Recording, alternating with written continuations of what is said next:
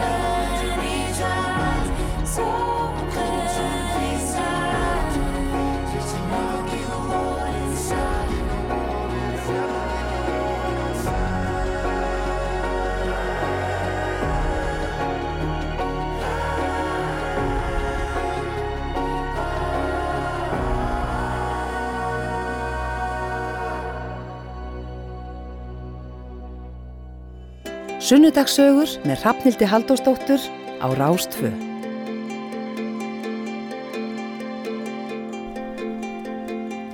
Jú, komiði sæl. Það eru sunnudagsögur sem að helsa ykkur hér. Ég heiti reyndar ekki Rafnildur Haldósdóttir. Ég heiti Helga Margret Hörskuldsdóttir og ætla leysana Rafnildi af hér í dag. Eh, það er sunnudagurinn 13. september. Hustið er farið að læðast upp á okkur og eh, við ætlum að njóta saman hér í dag til klukkan fjögur. Ég ætla að fá hana Karni Björgu Þorstensdóttur til minn í spjall hér rétt upp úr klukkan eitt. Hún er eh, uppistandari frá Grenivík og við ætlum að ræða þetta allt saman lífið og tilvöruna, hvernig var aðalast upp á Grenivík og hvernig maður endar í uppistandi. Uh, síðan í setjum hluta þáttarins þá ætla ég að spila gamalt viðtal sem hún Rafnildur tók við Einar Þóru Jónsson framkvæmdastjóra HVF samtakana í januar virkilega ja, áhrifamikið viðtal sem er gaman að refi upp. Og það er einmitt æfisaga vantarleg frá honum Einari. En e, þanga til að Karin kemur hinga til mín þá ætlum við að spila tónlist skemmtilega tónlist hafa það notalegt. Fyrstir hér á svið eru tónlistamæðurinn Auður og uh, Flóni. Og þetta lag heitir Tínd og einmanna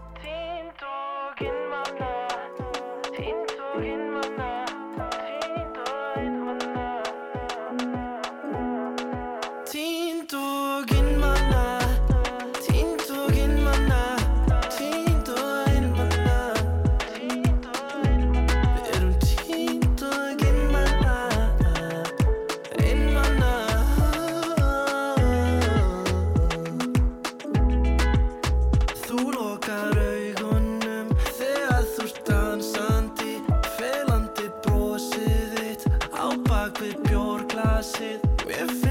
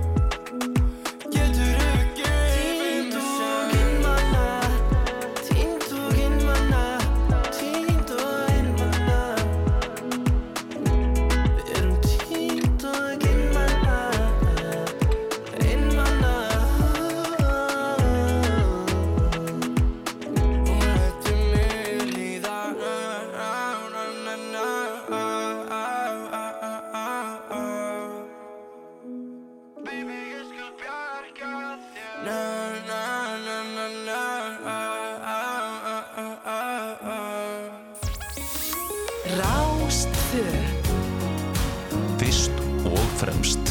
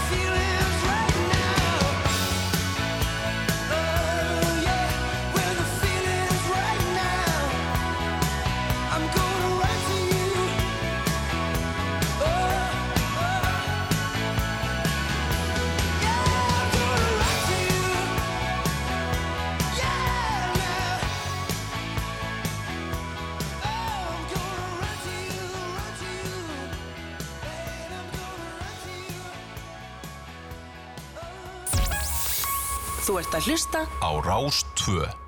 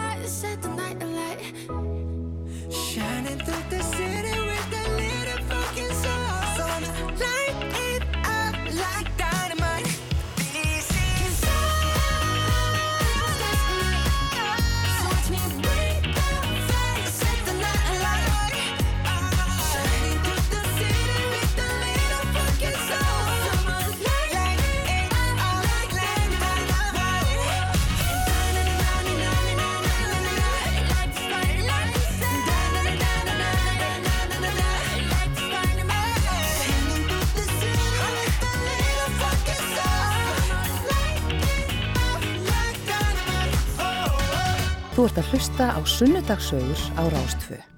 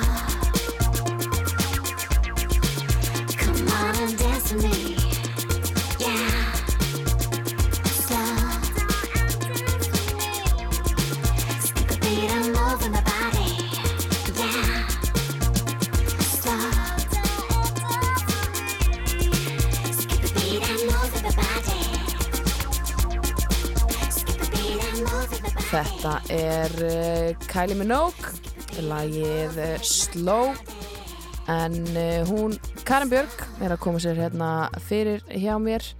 Við ætlum að ræða hér ímislegt lífi á tilveruna og áðurni spjall á hana, hefum spjallið þá ætlum við að heyra hennar, það er óskalag frá henni. Það er lagið Escape eða Pina Colada Song eins og einhverju getur kannski kannast við að frekar.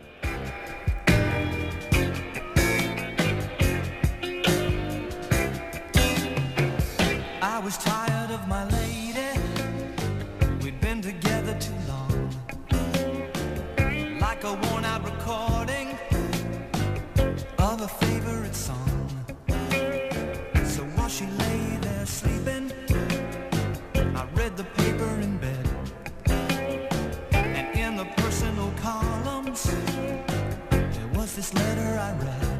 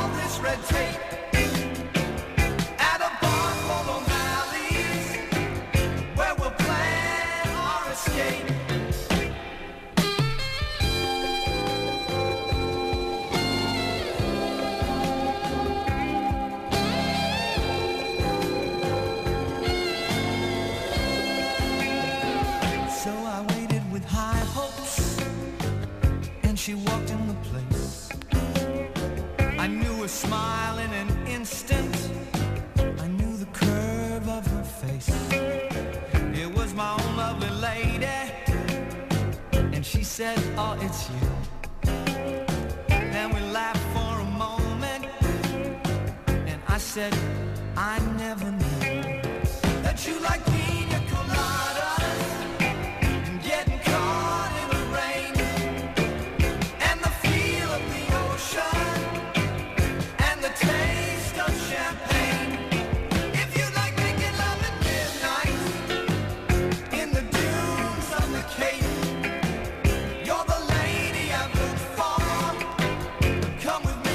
Já, þetta er hann Rupert Holmes Escape uh, líklega eitt uh, mesta eins, einsmell hittungur uh, sögunar, þetta var hræðilegt orð uh, One Hit Wonder Karen, af hverju valdur þetta lag? Herðu, ég elska þetta lag. Þetta er sko, þetta er eiginlega lagi mitt á Ísæjar vinkonu minnar. Um, þegar við vorum litlar og gelginu þá hérna, þá heyrðum við þetta lag í myndinni The Sweetest Thing með Cameron Diaz Ok, og það var svona, það, það, svo mynd einkendi okkur mjög, við litumst mjög á þeirri mynd og hérna okkur fannst við vera algjörða gælur og svona og þetta er svona, þetta er okkar lag bara algjörlega geggjað uh, Þú, sko, ef við byrjum upp byrjuninni þú ert fætt og uppalinn á Grenivík Já, það er rétt. Hvernig er það? Þetta er lítill bær þetta er mjög lítill bær, þetta er 300, 300 manns cirka. Um, ég náttúrulega þekki ekkit annað, um, ég var svo heppin að hérna, einmitt fá að alast upp þarna og, og hérna, heppin að fá að, að hafa áhuga á eina, eina, eina sem er hægt að stunda þarna sem er fótbolti.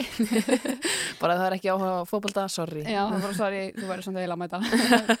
Til þess að eignast einhverju vini. Nei, nei, og, og fyll upp í liðið. Já, og fyllir biliði Nei, ég, það var bara æðislegt að alast upp á Grinník og, og hérna, veist, ég, ég get náttúrulega ekki borað saman við eitthvað annað en, en hérna, það sem var svona vinni mínir hérna Reykjavík hafa kannski verið bara what? yfir. Og það var hérna þegar ég var einhvern tímann að segja þeim frá því að það var oft, það týðkaðist oft á Grinník að eftir skóla þá fór maður bara að leika heim með einhverjum og, og maður var kannski bara fullir vinnu að svara í síman af því þá voru fóreldrar að ringja bara hæ, kom auðurinn með þér? Og maður er eitthvað, nei ok, held að fórum að ringja ekkert svona eins og í dag þar sem að það þarf að ringja í skólan hérna þreymundum fyrirfram til áður en bandi fyrir heim með nei, einhverjum öðrum. nei, nei, nei, það fór allir bara eitthvert og þetta er svo, hérna, svona loka svæði og, og þú veist, það þá voru bara einhver fimm hús sem þú ringdir í og bara, já, hún er hér, ok, cool. Herru, þú kemur heim fyrir kvöldmatt, já, flott. Ok, bye sko nú hef, hef ég, Greinivík er einn ein, ein af fáum stöðum á landinu sem ég hef ekki komið á Nei, það er náttúrulega botlangi, sko. Já. Þú keirir aldrei fram hjá greining, sko. Þú, þú verður virkilega að vilja fara ánga, sko, til að fara ánga. en hvað, þú veist, einmitt og það, það eru örgulega margir sem að einmitt hafa bara ekki komið ánga Nei, hvernig, þú veist, hvað er þetta 20 hús, 30 hús sko, hvernig er uppsetningin sem við erum að lýsa þessum myndræn sko, greining er frekar, sko, um, sem gerir það verkum að það er, það er ótrúlega vel skipulagt. Þetta er einhver svona 5-6 götur í manni og húsin eru með, bara svona mjög þjætt uppið hvort annað og þau eru ótrúlega snirtileg. Þau eru ekki svona á víð og dreif eins og er ofta á einhverjum svona öðrum skítablöðsum og hérna og hérna hún er ótrúlega snirtileg ég verð bara að fá að þótt ég segi sjálf frá. Og hérna það er uh, Jónsabúð er hana sem er maturbúðin og svo var bara að opna núna veitingastæður það var ekki veitingastæður þegar ég var alltaf upp. Þá hérna þá borðaði maður bara það sem að mamma viltaði eða Gordon Bleu þegar pappi var alltaf það var eitthvað ógeðsleg steik með ostin í. Um, og hérna svo er leikskóli og það er grunnskóli og svo er fótballtávallur og hérna sparkvallur og, og hérna svo var ég svona á mínum eldri árum þá var ég þú veist í úlingavinni og svo fór ég að vinna í Darra Íabita sem er svona harfisk verksmiða, mjög svöld þar sko og svo er fyrsti hús og svo er bara mjög fínt livjafyrirtæki sem er bara svona up and going. Þeir eru að gera hérna vörðnar sem að Aron Einar hérna snirtu örlínu hans. Einmitt, og hérna þannig að þetta er bara í blúsandi hérna uppleið. Það er alltaf gerast á það Grinník og það er verið að byggja nýtt og það er alveg krakkar okkar aldrei skilur að flytja ángað og bara setja stað og eignast börn og þannig að hérna, þetta er bara alls ekki að leggjast í eyði, bara þvert, að móti. en hvers vegna sko, þú segir sjáarþorp eru fóreldreinir í fiski Heyrðu, pappi er, mamma er frá Dalvík sko og einhverjum ástæðan að pappa samfæranum að flytja með sér á Grinník og pappi er frá Grinník sko og hann hérna, já, þetta er allt svona miklu sjómenn að við hérna, að við átti svona trillu og, og pappi er og hérna skipi, núna hann er á tógara þannig að þetta er allt svona eitthvað tengt því. Einmitt. En hann er líka smíður og mamma er mamma var kennari í Greininguskóla og hún kendi mér, hún var umsjónakennari minn á tífambili og kendi mér myndment, myndment og, og náttúrufræði og hérna starfræði og og að því hún var umsjónakennari minn að þá einhverjum ástæðum þurfti hún að taka sér kinnfræðslu líka. Einmitt. Sem er náttúrulega bara rosalegt áfalla streytur öskur sem ég þarf að líða fyrir. Ég deg og svo var amma í mötunitinu þannig að þetta var æðislegt. Ég og mamma var alltaf saman í skólan og, og svona. Og var það alltaf lægi að mamma einn var að kenna þér allt? Um, sko, þegar ég var yngri þá fekk ég eiginlega alltaf frekjukost í tíma, það var eiginlega svolítið er, ég bara döið vorkinni mömmu ég skil ekki alveg hvað er í gangi mjög aldrei, það var aldrei neitt nóg gott sem ég gerði og, og mjög þetta bara hræðilegt. En svo lagast þetta nú svona eftir að ég varð mér langar að segja tíu ára og, og upp úr. Mm -hmm. en hérna svo þegar, ég útskrifast úr greiningsskóla þá hætti mamma sem kennari og byrjar í myndlistskólanum á Akureyri og ég byrja í mennskólanum á Akureyri. Þannig að við byrjum svona báðar í svona skólum á Akureyri og hún var eitthvað svona að banna mér að fara í bekkjapartí og fara, fór svo sjálf í bekkjapartí það þið voru hann á einhverjum, svipum stað já, mjög fyndið og hérna hún er grafiskur hönnu sem sagt í dag. Yes. Og þú ert elst sískina, Ég eða ekki? Já, ég er alveg, við erum þrjú sískinin, ég er Birna og Danni og, og ég er alveg sjö árum eldri en Birna og tíu árum eldri en Danni, bróður minn. Þannig ég er svona elsta barn, ég, þau búa en þá bara heima skiluru og ég er svona eitthvað ein í Reykjavík. mjög svona, mjög svona fullarins og ég man, ég var náttúrulega heimavistinni í Emma og þá hérna, ég man fyrsta árið mitt á heimavistinni þá spurði bróður minn mig bara eitthvað, Karen, verður þú á vistinu um jólin? Ég bara eitthvað, nei, ég ætla að vera heima! Hvernig, sko, nú er ég sjálf elsta barn. Já, Þetta akkurat. er, þetta er svona, það er mikil ábyrð og Mjög. hérna, og maður kannski haga sér einhvern veginn á, Já, hvernig er þetta? ég er klálega sko, Ertu þið típiska elsta barn? Já, ég var náttúrulega búin til til að passa þau sko. Einmitt. Það, Býðum þangar til að hún er nógu gömul. Mhm.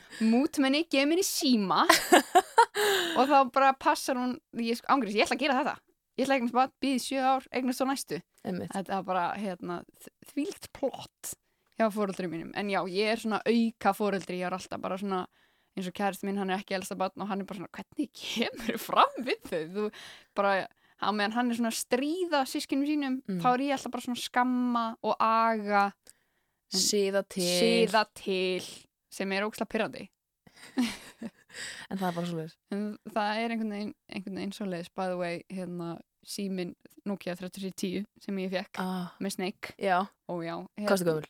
ah, ég man það ekki ég hef verið 12 eða eitthvað Mm -hmm. um, það var alltaf all sportið að vera með svona front það var þetta að skipta um Já, front skipta um lit og eitthvað svona. Se, fá sér nýtt hulstur utan um síman sem var einhvern veginn og ég man eftir að hafa farið með mömmu í hérna síman á Akureyri og það var bara heill veggur með svona frontum sem hún gæst valið og ég mátti velja mér og veist hvað ég valdi? Og ég skil ekki hvernig mamma samþýtti þetta. Ég skil það ekki.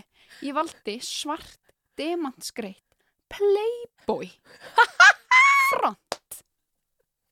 Ha? Já, af því að ég átti kaninu Ok, og Playboy logoið er náttúrulega bara kanina, merkið. emmitt. og ég vissi ekkert hvað Playboy var og, og hérna, mamma eitthvað svona Playboy, það er nú ekkert og, og mér fannst þá smá töff að það var pínu svona eitthvað Þannig að þetta var eitthvað svona... ég, og, og ég var bara please, please, please, please, please, og þú veist, ég er ekki, ekki vön að fá það sem ég virkilega vil en það, þetta, þetta var bara eitthvað einstæmi og mamma eitthvað svona ok og bara kefti Playboy front handa 12 ára dóttur sinni. Og svo reyndar sá hún alveg hryllilega eftir þessu og let mig taka hérna Asington og setja eyrnapinna og nutta stóð Playboy, nutta það Já, af. ok. Þannig að það var bara ekki ó- kanína. Þetta var ekki óvart, eitthvað svona, þú kefti bara kannuhulstur og svo föttuði að þetta var Playboy, þetta var, við, ég, við, með, í minningunum vorum við báðar mjög meðvitaður um að þetta var Playboy í símanum á Akkurat. Akureyri ok, en algjör þessa. en svo ferði í mentaskólan Já. var aldrei neitt annað, þú veist, þú ætlar aldrei að fara eitthvað annað í, til ekki Nei, aukur eða neitt. nei, það var alls ekki ég hérna, mér var bara nógu skeri að fara til Akureyri og við sko, við vorum fimm stelpur í bekk og hérna það var engin strákur, það var strákur á tímambili svo flyttið hann til Akureyri, þannig að við vorum fimm stelpur í bekk sem útskrifast úr greiningsskóla, við fórum allar í Emma og við erum allar útskrifaðar úr Emma. Þannig að það var svona 100% Þetta er bara mjög flott. Já, og hérna um, ég Vaffemma var náttúrulega líka í bóði Mhm. en það einhvern veginn var ekki það voru einhvern veginn, ég náttúrulega byrja, var að byrja að öfa með káa líka og þar voru allar stelpuna líka fyrir Emma. Þannig að þetta var bara einhver svona ströymur sem að maður fór með og hérna, náttúrulega fór á vistina og það var nú grét mig í svefn fyrsta kvöldi sem að ég gist ég var heim. Ég var bara, "Ó, þetta er hræðilegt mér langar heim og hérna, ég og Harpa bestaðinkonum mín hérna byggum í, vorum saman í herbyggja á vistinni Mm -hmm. og hérna, það var bara það var ótrúlega lærdómsríkt Maður hefur heyrt margar sögur af svona heimaðustum, Já. uh, líka af bestu vinum sem að fara á, einmitt á heimaðustaskóla, þeir eru nú ekki margir á landinu, Nei. en sem að fara á heimaðustaskóla og hætta svo að vera bestu vinnir af því að þeir fá bókstælega ógi á hversu öðrum. Já, við, Það var ekkert svoleiðis við ykkur. sko, nei, nei, við fengum ekkert ógi okkur hann en við vorum eiginlega hættar að tala saman af því að hérna, við vorum saman í herbyggi og við vorum saman í bekk og við hefum fótbolta saman að, og við fórum náttúrulega saman í mat alltaf og vorum alltaf saman í fríminútum og það var ekkit sem við vorum, gátum sagt hver annar því að þetta, við vorum að upplifa alltaf sama, við vorum eiginlega bara orðnar sama manneskjan, svo fengum við báða lúnabólk. Og hérna þannig að þetta var hérna, þetta var svolítið sérstakt, ég hérna svo hérna árið eftir þá var ég með Júlíu annari vinkonu minni í herbyggi og svo byrjuðum við allar að leia saman að við urðum of cool fyrir vistina sjáðu til. Ó, í þriða bekk þannig að ég, Harpa, Júli og Sunna bara allar stelpur, stelpur frá Grunning byrjuðum að leia saman eitt elsta hús á Akureyri sem að hérna eh, var haldin mörg partí. Mhm. og sko við fórum að skoðum það sumri til og þá var það mjög, ég held að heiti eitthvað túlinjúsar húsi eða eitthvað það, er svo, það er samt sko tíu skrifum frá Brynjís sem, Á, sem er mjög það næst er jákvæð. mm en hérna við fórum að skoða um að sumri til og við vorum bara, "Ah, þetta er bara fínt. Og þú veist, leikan ekkert það há. En svo kom veturinn og það var svo léli einangurinn í þessu húsi og það var svo kallt og gólfið hallaði svo mikið og ég svaf á ská. Og hérna og vatnið vatnið í styrtunni var ískallt og við einhvern veginn bara eitthvað já já þá fegur maður bara í styrtu einhverstaðar annar staðar. Og svo einhvern tímann fi- bara fylltist mælinn hjá okkur öllum og við fengum hérna leiðandan til að koma og laga þetta og þetta var þvílíkt og maður kunni ekkert að elda eða neitt og þetta var þvílíkt æfintýri sko Að því framan að þessu á vistinni þá er þið, fáið mat Þá- líka, já, eld, þá það er mötunandi bara. það var þetta bara geggjaði morgumöndur bara eins og morgumöndur á hóteli sko Vá, á hvernig mótni og svo náttúrulega bara eh, í hátdeismat sem að bara aðrir krakkar í Emma sem voru ekkert á vistinni gáttu verið í skilur Mhm. bara mötunni í skólanum mhm. og svo bara kvöldmöndur og hérna maður þurfti ekki að hafa nýnar ágjur að elda neitt eða neitt sko og hérna. Mér varst líka magnað þegar ég flutti til Akureyrar að samt vita að ég hefði þann kost að ég geti farið og kipt mér eitthvað í kvöldmatinn. Það var ekkert svona skrifni Var ekki ég veitingastæður? var bara sæll, ég get bara farið og söppi Það er lítið frelsi. frelsi en hérna já ég man einhvern tímann þegar við vorum allar saman og vorum að elda einhverjar þrjár kjúklingabringur og settum þú veist paprikuost og ná bringunar og bara ekkert meðla til það neitt og því að enginn tímd að kaupa neitt.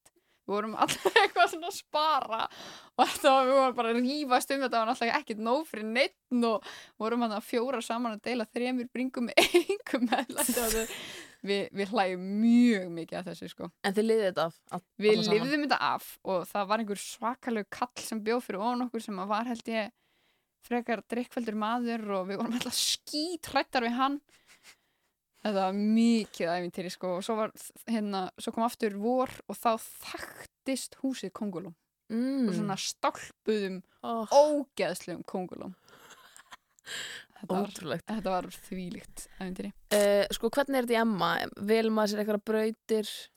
Það er nú eitthvað búið að breyti sér núna, þetta er náttúrulega bara þrjú ár núna, en ég, ég byrjaði á náttúrulega og náði ekki starfræðin Þannig ég fór á félagsfræðbraut og ég, hérna, útskrifast að henni en var, var náttúrulega bara mest í Ellema sem er leikfélag mennskólans Akureyri. Var alveg þvílíkt, tók alltaf þátt í því og hérna, Og Hva, hvað eru síningar sem þið settu upp? ein, einhvern veginn fengið að líða fyrir það. Um, við settum upp, fyrsta ári settum við upp uh, grænjaksla sem er eitthvað hérna, svaka, eitthvað svona íslenskt sem að Egil Ólafsson, leik- ég held að hann hefði mér að komið og séð okkur. Wow.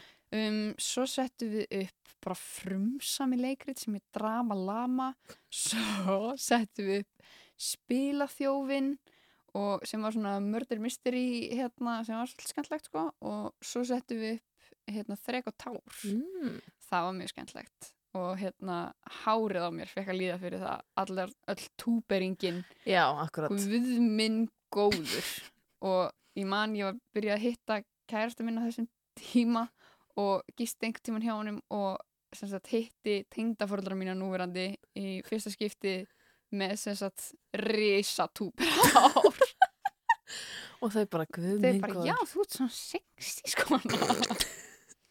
Það var mjög hræðilegt En þannig að þessum tíma, þú veist, fannst þið fyrir því að þið langaði að gera eitthvað já, af þessum toga? mjög aðtegli sjúk gæla og hérna uh, ángríns, ef ég hef kynst mentaskóla mér í dag, óþólandi gæla sko.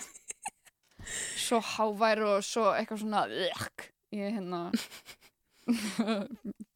fílaði hann ekki allavega hérna, en hérna já, fannst það geðveikt skemmt að vera sviði sko og hérna leika og allir undirbúningurinn og allt það og hérna svo hérna í fjórðabekki heima þá hérna, er, það er náttúrulega alltaf ásatíð Mhm. sem er alveg mikið mál í heima og þegar þú ert í fjórða ári þá hérna áttu sko að mæta íslenska þjóðbúningnum Já, og ég hérna var í einhverjum hérna, upplut og því allir hérna ruglinu með hérna, húun á hausnum og eitthvað og ógeðslega heitur búningur. vá og þungur og Já. þröngur. Mm mjög skemmtilegt uh, og hérna en það er sem sagt rosalega miklar hefðir í emma og það er sem sagt hefðu að sé alltaf hérna, minni kalla og minni kvenna sem eru svona ræður sem eru haldnar.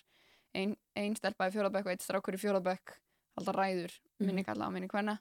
Og ég hérna, var fengin í það uh, fyrir hend kvenna í fjórðabekk og ákvað af einhverjum ástæðum sem ég gerir mér ekki grein fyrir að vera ekki með ræðu við púlt eins og hefur alltaf verið heldur vera bara með uppistand. Samdi bara eitthvað svona rugg uppistand að ég þemað í sem ræðum er að konur eru að rakka nefnir kalla og kalla eru að rakka nefnir konur. Mm. samdi bara eitthvað svona yfir drull yfir karlmenn um, og hérna og var með uppistand. Og er þetta fyrsta uppistandi sem þetta þú... er fyrsta uppistand sem ég er með á æfinni og það er fyrir framann alla jemma sem er bara fáránlegt ég man mér langa alltaf að taka þátt í söngakemni en var alltaf of stressuð fyrir það Mm -hmm. en var samt í stað með uppistand í þjóðbúning og ég man ég ældi alveg nokkur sinnum að henni fór á sviði Vá. en svo gekk þetta bara geðvegt vel Og fólk hló. og fólk hló og sko ángríns fyrir alla þá sem langar að vera uppistandarar verið með fyrst með uppistand fyrir framann 600 manns í staðan fyrir, fyrir framann 20 manns eða eitthvað að það mun alltaf einhver hlæja og þú svona sérði ekki andlitin og það er allt svona salurinn er svona blörraður þannig að þú getur ekki tekið mikið inn þig eitthvað svona Einmitt. þannig að þetta er svona þetta er svona ráð sem ég gef fólki sem að er svona að reyna eh, við uppstandsgeran. Og við kannski förum aðeins hérna, meira út í uppistandi Mm. á eftir. En Mhm. Hvað gerur þau útskæðast úr Emma? um, Eftir að þú búin að flytja þessa eftir ég er búin að flytja þetta rosalega uppstand. um, ég er búin að eignast kærasta þarna Hjalti Jón sem er kærasta minn í dag og við ásamt vinkonum okkar tveimur Hörpu og Evu ákveðum að vinna í eitt ár og fara svo í heimsausu og við sem sagt fórum hringin í krigum heiminn á þremur og hálfum mánuði og hérna það var ótrúlega skemmtilegt mæli með því bara fyrir alla. Og hérna byrjuðum sem sagt fórum til Danmarkur og þaðan til Dubai. Danmark ótrúlega upplifun. Magna. hérna, magna upplifun. Fórum til Dubai. Það sem að maður uh, uh, frænda minns eða hérna sem sagt uh, maður, eða bara maður sem ég þekki býr gistum hjá honum Vá, í Dubai, mjög skemmtilegt. Um, hérna, fórum svo Dubai til Indlands og Thailands og Kambadíu, Vietnam og svo til Eyjarnar á Tælandi og svo fórum við til uh, hérna Kuala Lumpur og svo til Ástralíu, Nýjaseiland, Fiji, Los Angeles, Las Vegas, San Francisco og heim Vá. mm og uh, það, þetta var ótrúlegt ótrúlega magnað vorum, þetta vorum bara svona lúða bakpoka ferðalangar sko Akkurat. Og Asia var geggjuð. Og það, Asia er svona það er fullkomið að vera bakpoka ferðalangi þar. En ég hefði kannski ekki þú veist, að vera bakpoka ferðalangur í, þú veist, Sydney var ekkert eitthvað gegja af því að það er svo svona frábæra flott borg. Ég hefði frekar viljið bara vera í svona borgarferðarfíling þar. Já, bara heimsækja í hérna. staðan fyrir að vera bara já. skítu og í einhverjum ógislum stuttbuxum og hérna, einmitt. Og búinn að vera að ferðast um bara alla Asju og komin þangað. en við sem sagt svona svakalegasta upplifunin er örgulega hvað kært minn var veikur í Indlandi Ok. við sem sagt uh, hittum, kynntust einhverjum dönum og hérna smökkuðum eitthvað ógeð vorum búin að drekka smá og vorum vorum eitthvað svona líbu og eitthvað og smökkuðum eitthvað lauf í Indlandi sem var vist einhver svona skyndibiti eða eitthvað og uh, daginn eftir að þá vöknum við öll bara með þvílíkt í maganum á einhverju ógeðslegu hótelherbyggi sem að hétt Hotel Quality way. Ógeðslegt hótelherbyggi, við náttúrulega áttum engan pening til að borga eitthvað næs, skilurðu, og hérna, og mér er bara aldrei liðið svona illa. Og framöndan var sérst 8 tíma keisla til að skoða Taj Mahal. Og við vorum með svona enga bílstöra og ég ældi og ældi og ældi í þessari 8 tíma keislu ég var með svona ziplock póka Oh sem ég opnaði bara ældi onni og lokaði svo alltaf bara aftur opnaði ældi meira onni og hérna þetta er bara viðbjóður og hérna og kærasti minn síðan hnígur nýður og það er hægt að hlæja þessu núna ég hló ekki neitt þegar þetta gerðist. Og sem sagt endar á því að ég og bílstjórin okkar sem var guðskjöf heldum á honum á sjúkrás og uh, í ösinni þarna í Indlandi. Indlandi er náttúrulega ótrúlega ólíkt Íslandi og hérna bara mælið með fyrir alla. Það verða eiginlega allir að fara til Indland og við höldum á honum inn á sjúkrahús og meira þess að þurfum að halda á honum upp stiga því að það var ekki lifta á þessu sjúkrahúsi sem við vorum. Og uh, leggjum hann í rúm og læknandir þú veist þegar ég sá hann þá voru þau bara ögh en hérna er og hérna ég var ógæðslega hrætt og það sem að hrætti mig var þú veist að hérna þetta var ekki svona vestrænt sjúkrahús það sem að eh, þú veist, allt er svona hvítt og sterilæsað heldur voru þú veist bleikar flísar og ekki samstæði rúmfött þú veist, það hrætti mig geðvikt var bara, það er ekki samstæði rúmfött hérna á, á, á sjúkrarúmunum Og en hérna þeir voru mjög slakir þessi læknar og þeir voru, hérna, þeir voru alltaf að sína mér þú veist, hann fekk næringu í æð. Þeir voru alltaf að sína mér að það var allt hreint sem þeir voru að fara að stinga hann með. Ó, og ég var ekki, ok, flott, já, flott. Do it, do it. Og orðin einhver aðstoflæknir hann ég var orðin einhvern aðstæðalæknir ég var alveg bara þvílíkt stress. Og svo hérna fekk hann næringu í æð og svo hérna fekk hann líka svona C-vitamin duft til þess að blanda út í vatn til þess að drekka því að hann var bara vökva skortur hjá hann og eitthvað svo leiðis og það átti bara að blanda C-vitamini út í 1 lítir af vatni. Og þeir voru bara með 2 lítra vatn af flösku þú veist, Mhm. af því að þú mátt náttúrulega ekki drekka vatn úr krönunum og einlega eitthvað svo leiðis Akkurat. og þeir voru eitthvað að útskrifja fyrir miss, uh, we only need to um, um, blend with one liter but we, we only have two liter bottle. Can you drink one liter? Og þeir voru að byggja mig um að drekka helmingin af flöskunni svo að þau getur plantað fyrir hjálpa og ég hef aldrei eitur ég bara yes, yes og bara þeir, þeir einhvern veginn vildi ekki hella því að það var svo mikil sóun. Já, hérna hér. Þannig ég bara, bara er þetta fínt núna? Hann bara, já, þetta er fínt, takk fyrir. Ó, Jésús minn. Um, þannig að það var þvílíkt. En hann lifið það hann liði þetta af. Um, Og sáuðu Taj Mahal? við fórum og sáum myndirnar sem eru teknar á okkur við erum öll eins og draugar og það var svo mikið þoka líka hann að eða ekkert í Taj Mahal.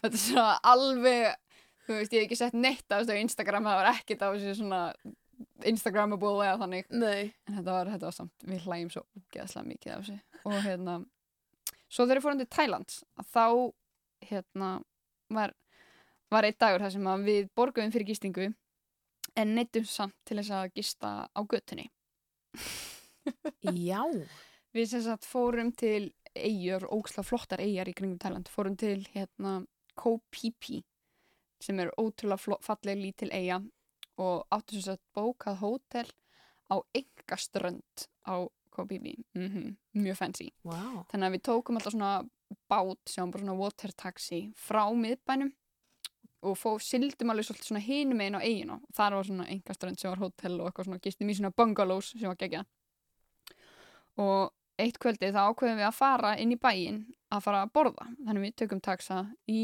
hérna miðbæinn og förum út að borða og hérna, hittum einhverja vini sem voru búin að kynast þarna á eitthvað og, og svo er kvöldi bara búið og við kveðum vin okkar og, og hérna förum aftur nýra á höfn til þess að taka taxa tilbaka og þeir eru bara, nei núna eru öldunar orðnar allt og háar til þess að fara tilbaka og, og við bara, já, ok hvað hérna, hvenar hvenar getum við búist við öldunar, öldunar lægi það er bara átt í fyrramáli já, ok ok, ok, takk, takk. Förum eitthvað inn í bæinn, förum í eitthvað svona information center og þar er einhver hress kall og hann bara, já, ok, ok já, þið hafið hérna einhverja valkosti, þið getið já, þið hafið þrjá valkosti. Þið getið djammað þangað til að klukkan verður átta. Þið getið að lappa í gegnum skógin sem að skilur að í hinum einu og eina. Eða þið getið gist hjá mér og við bara, nei takk! og við bara eitthvað, ég held við, ég held við bara, hérna, we'll just party til 8 o'clock og hann bara, ok, ekkert mál. Þorði enginn okkur að fara eitthvað að lappa í gegnum skógin við sem ekkert hvert við vorum að fara. Þannig að við bara, heyrðu flott, klukkan er hérna 11, nú djömmum við þannig þegar klukkan er klukkan 8 og byrjum bara að krafti inn á einhverjum stað og hérna drekkum til að, og kaupum alltaf drikki til að fá að vera að inni og eitthvað svona og, og svo er klukkan orðin svona tvö og þá er allir svona smá svona, æ, þetta er ekki alveg mál, þetta er engin engin með orku í þetta. Og þannig að við löpum, setjumst á ströndina og það er brjála djam og brjála líf í bænum. Þannig að mann líður ekkert eins og maður sé eitthvað svona einn. Og við fyrir á ströndina og það er bara fólk einhverju keler í og eitthvað svo leiðis og, og hérna og svo fyrir við inn í 7-Eleven sem er hann oppið allan sólarhingin klukkan svona fjögur og hérna kaupum okkur einhverja svona núðlur til að borða. Bæða við orðið dimmt og orðið frekar kallt af því við vorum alltaf klætt skiluru fyrir þegar sólinn var á lofti þannig að það var orðið svona kallt og við eitthvað svona fyrir minni 7-Eleven og heitum okkur einhverja núðlur í einhverjum svona örbylgjöfni sem að var aðna og, og hérna djammið er orðið svona það er orðið svona suppulegt það er eiginlega bara svona fólki eftir sem að er að fara að finna sér einhver til þess að fara heim með mm. og hérna og fólki bara svona í sleiku fyrir, fyrir svona veggi allstaðar úti og hérna við eitthvað svona fjögur eitthvað svona hálfbuguð og, og svo endar þetta bara á því svona klukkan sex hálf sex sex að við setjumst bara á tröppur hjá bakari af því að það var hérna svona ljós þar, það var allt bara búið slökk á öllu og sitjum það bara í einhverju svona algjörri bugun öll smá drukkin en það er svona að renna af okkur og það er svo kallt að ég tek hérna dúk af útiborðin hjá bakarínu og vef mig inn í hann og svo til þess að gera þetta svona ekstra hræðilegt þá voru svona mikið svona villiköttum í kringum okkur Jesus. og einn gaut þremur kettlingum fyrir okkur hann var að öskra svo mikið þegar hann var að Oh þegar hann var að fæða þá og svo kemur löggan bara fyrir ekki hvað eru þið að gera hér. Og við erum eitthvað við, við, við eigum engar stað til að fara á annað. Og hann eitthvað, heyrðu, ok segir eitthvað um mig bara, þú bara hérna skilar þessum dúk. Svo, þú lofar því. Og ég bara, já, ég lofa því. Og við vorum svo þreytt og ég eitthvað svona næja að leggja mig eitthvað smá á þessum tröppum. Og svo var svo mikil fyll á okkur að vera í ljósi að því að það er allar moskítoflugunar þannig að við vorum bitinn út um allt. Og ég var sko bitinn svo nálagt rassinn bara enda það svo ég var bara, það var hræðilegt. Og svo bara er klukkan átta og við förum út á höfn og það er bara einhver eitt kall að því að öldunar er ennþá háar það er bara einhver eitt kall sem að tekur sko 2000 kall á mann sem að var mjög mikið fyrir, fyrir að hérna skuttla okkur. Og hann vill ekki einu sinni fara alveg upp að hérna ströndinni af því að það er svo mikið öldum þannig að hann stoppar bara út á miðju hafi og segir þið verið bara að vaða. Og við bara, og bara já þið verið bara að vaða restina. Og við bara förum og sjórin var bara upp á bringu og við reynum bara að vaða í land og náum því og bara hrinjum niður í rúmin okkar. Og þá er klukkan árið svona nýju og svo klukkan tíu þá vorum við að fara á fílsbakk þannig að við eitthvað svona sofum í korter og förum svo aftur neyri í bæinn Vá, því líkar sögur, Karen. þetta var hræðilegt Herri, við ætlum að gera hörstutt líf, við þurfum að jafna okkur eftir þessar rosalegu söguna og gerum hörstutt líf fyrir uh, smá auðlýsingar, komum svo strax að þurr.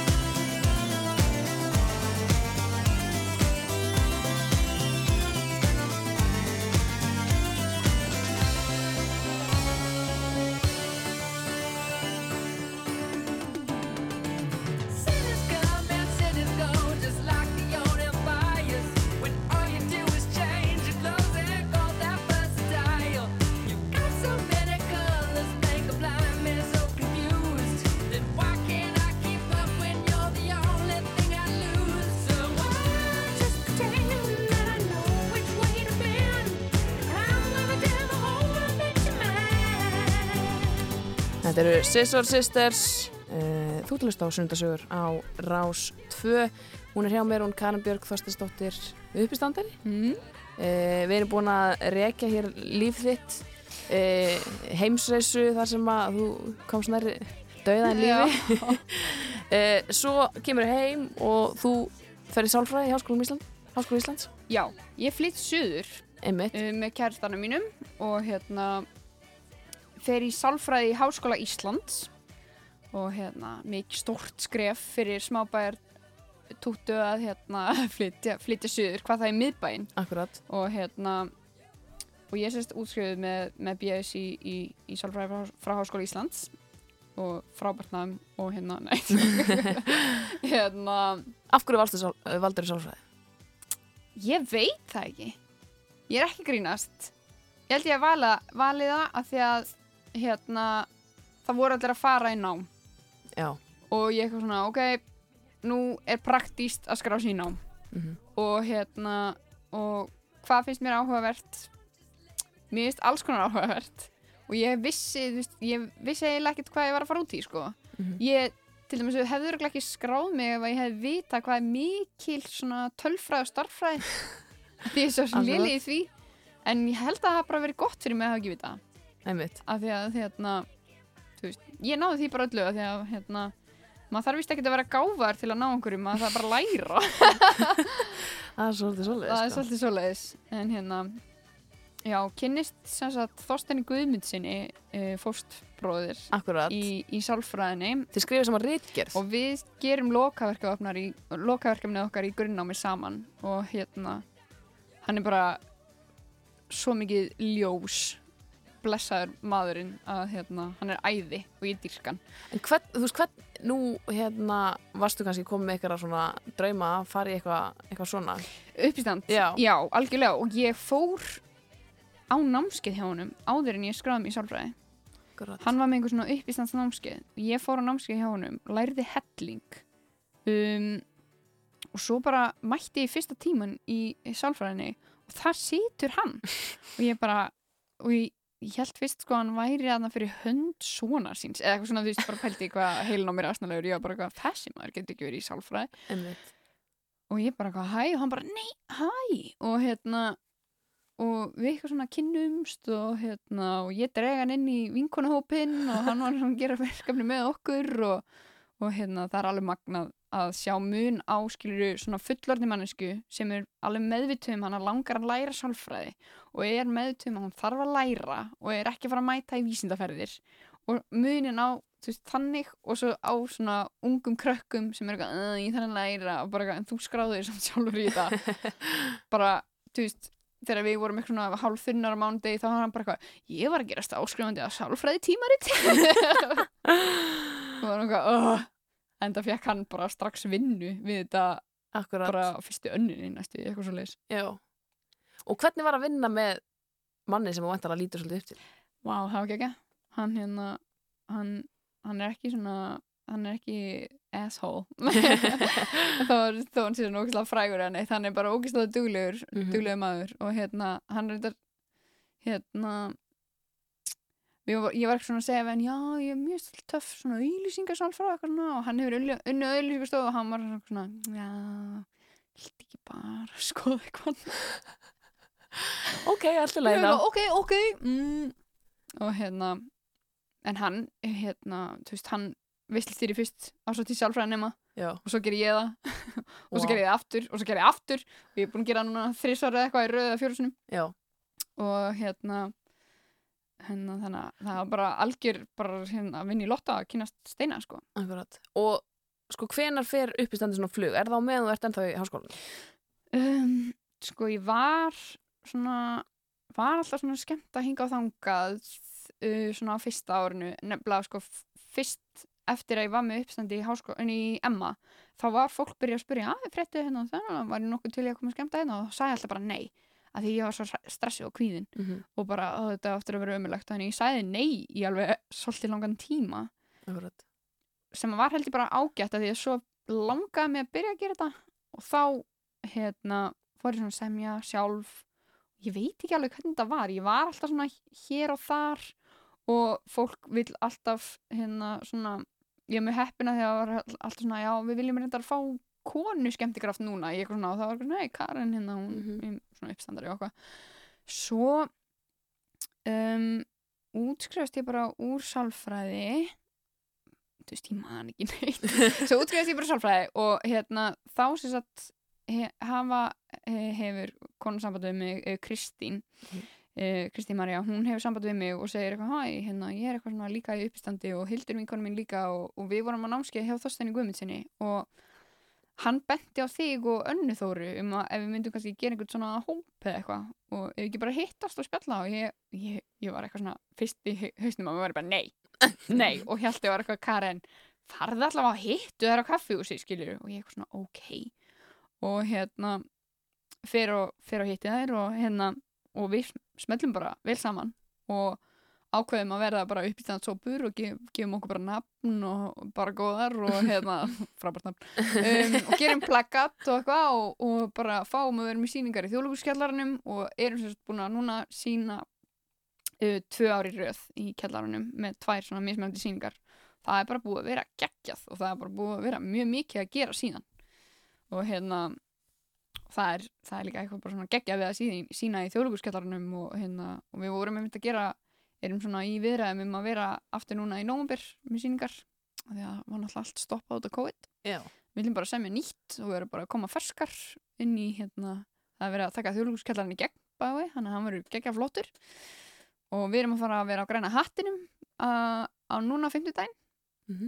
ég er mjög spennt fyrir því græna hatturinn er frábær staður til að vera með uppstand. Það er svona látt til loft og svona, þú veist, fólk hlýtur við borð og Kósi stemming bara. ógeðslega kósi stemming þannig að þetta fór bara í eitthvað svona á eitthvað svona rugglflug eitthvað svo leis og hérna maður, ég er bara mjög svona sátt og maður er hættur kannski að verða ógeðslega stressaður fyrir Mhm. því að koma fram og maður getur bara átt sem í ágætan dag þó maður sé svona með aftast í hausnum að maður sé að fara að skemmta í kvöld og, og hérna já en- Þú ætla bara að halda áfram að gera þetta Ég bara haldið fram að gera þetta, ég kom með hérna umbósmann og hérna, já, þetta er, þetta er bara hérna, ja, hamra jafnið á meðan það er heitt.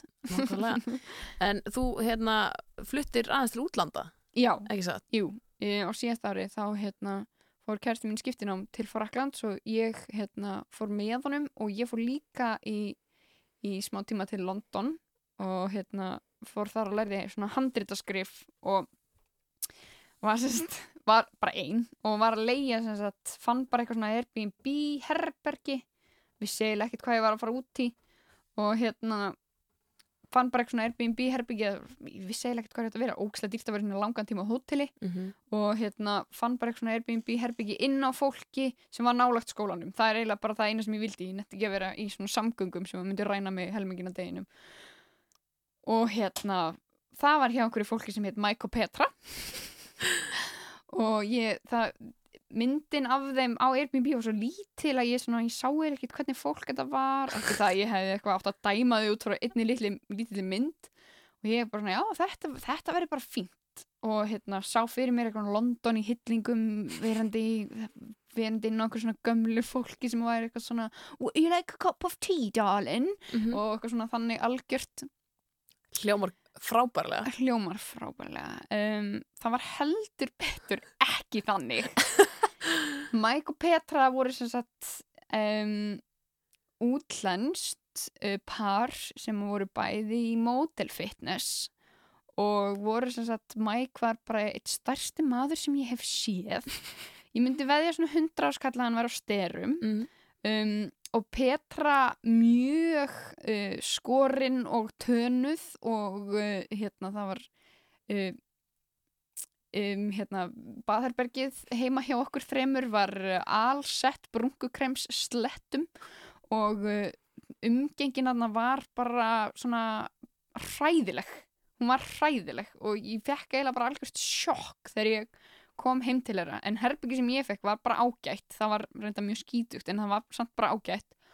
Og en baðherbergi sem við deildum bara, þú veist mér bara, dreymir margtaðar um það á stundum bara af því að það voru fullt af tannbustum. Ég skil ekki okkur þau þurftu svona marga tannbust og þeir voru um allt, þeir voru í gluggasillinni þeir voru í glösum, þeir voru það var eina ramartannbustu sem var á gólfinu allan tíman sem ég var þarna. það er ógeðslegt. Mhm. og hérna kannski er ég bara svona góð vön, ég veit það ekki. Kannski eru er, er bara allir bara what, ég mér ramartannbusta mín alltaf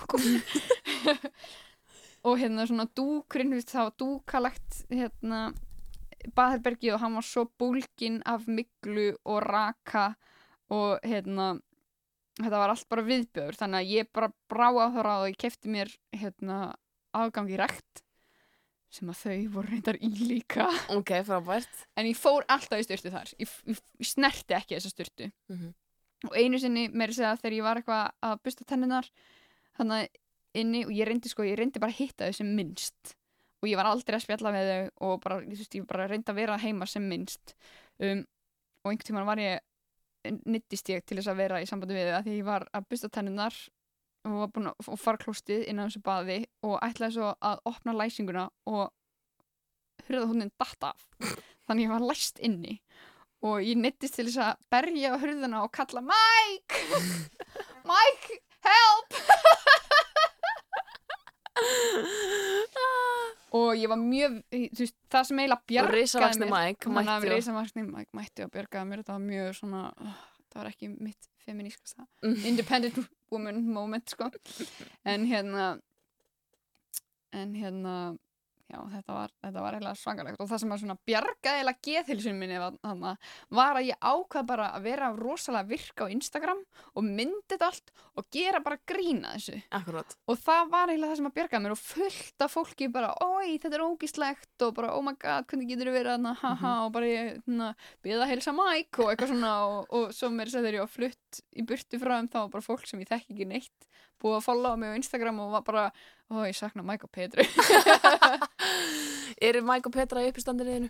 Nei, reyndar ekki. Ég, hérna, ég þarf, reynd, þarf að fara að tróða þeim hann inn. Ég sakna þeirra rosa mikið. Ég talaði svo ógeðslega ill um þau á Instagram. Ég er svo fein. Ég blokkaði bæði á Instagram bara til þess að ágætt. þau myndi ekki finna mig. Ég held samt að þessi drullu saman mig. Og hérna, ég meira þess að tók svona ótrúlega fallegt ilmkerti sem að mamma er að selja, er, er hanna frá vorhús, tók, með, tók það með út af því ég ætlaði að gefa fólkinu sem að myndi hýsa mig um, þetta kerti og ég var bara ég ætla sko ekki að gefa þeim þetta kerti ég bara gaf einhverju stelpu í skólanum það hún var bara takk, Æðislegt, geggjað. Æðislegt. Takk. takk fyrir Magnað. Uh, sko, Karin, tíminn er að hlaupa frá okkur. Mér langar að spyrja áður að við hérna að hættum. Hvað er það sem, þú veist, hvað er draumastarfið? Hvað, ó, vá, hvað er það sem sér fyrir þér að gera í framtíðinni? Hvað, þú ert núna bara, hvað, 26? í nýjórinn 27 27? mm ég, takk fyrir að segja bara á, á þetta. sko, ég nefnilega veit það ekki mér langar að vera alls konar um, og ég elska að skrifa og búa til eitthvað nýtt og, og eitthvað svo leiðis og ég heyrði hérna, var að hlusta einn svona viðtal við hérna, konu sem ég lít mjög upp til sem er fattaðinu sem heitir Alexa Chung um, hún sagði að ég er eiginlega uh, hamingjusömmust þegar mér finnst ég vera nú bara afsaka ég ennskjöruna mína við getum reynda íslenska það uh, svona creatively fulfilled Mm. Þú nærði eitthvað að uppfylla sköpunar já, þegar ég, já, þegar ég þegar sköpunagleðin stendur sem hæst þá, þá er, finnst mér ég vera mjög sött Mhm. ég hérna einmitt, og það er alveg stór partur á uppstandi, veist, ég væri ekki í uppstandi ef einhver var að skrifa það sem ég segi fyrir mig. Mhm. að það er mjög stór partur af uppstandi að vera að búa til brandarana sjálf og skrifa og búa til sjálf. Þú veist, Mhm. kannski er engin að tengja við þetta en hérna, einmitt. Og ég elska að lesa og hérna, já. Það er bara svona að búa eitthvað til. Og ég elska að teikna og mála og einmitt, ég er svona, hérna, einmitt sálfræðin var frábært nám og kendi mér líka bara aga og svo leiðis, en eftir það þá fann ég að það var eitthvað svona smá tóm sem að listarinnar kæja var að öskra að þyrfti að sinna Mhm. þannig að hérna, það er það er svona það sem ég vil gera eins og þeir það er mjög með á hreinu það sem ég vil gera það er bara snilt. Hvað ætla að gera í dag? Þau er búin hér. Heyrðu, ég er að fara að skoða íbúð ég er að fara að opið hús. Frábært. mm um, með kærastanum mínum og við erum svona að skoða svona spáði að fara að færa okkur um set. Og svo er ég líka að lesa æfisögu Jim Carrey. Ég hugsa að ég gera það bara í kvöld. Hann er my man sko, my main man Frábært. Eh, uh, Karin, eh, takk hella fyrir komuna í sunnundasugur. Takk fyrir að fá mig, Helga mín. Við ætlum að spila lag, óskalag frá þér. Mm -hmm. You're the first, the last, my everything. Þetta er til þín. Ah, Barry White, takk fyrir komuna.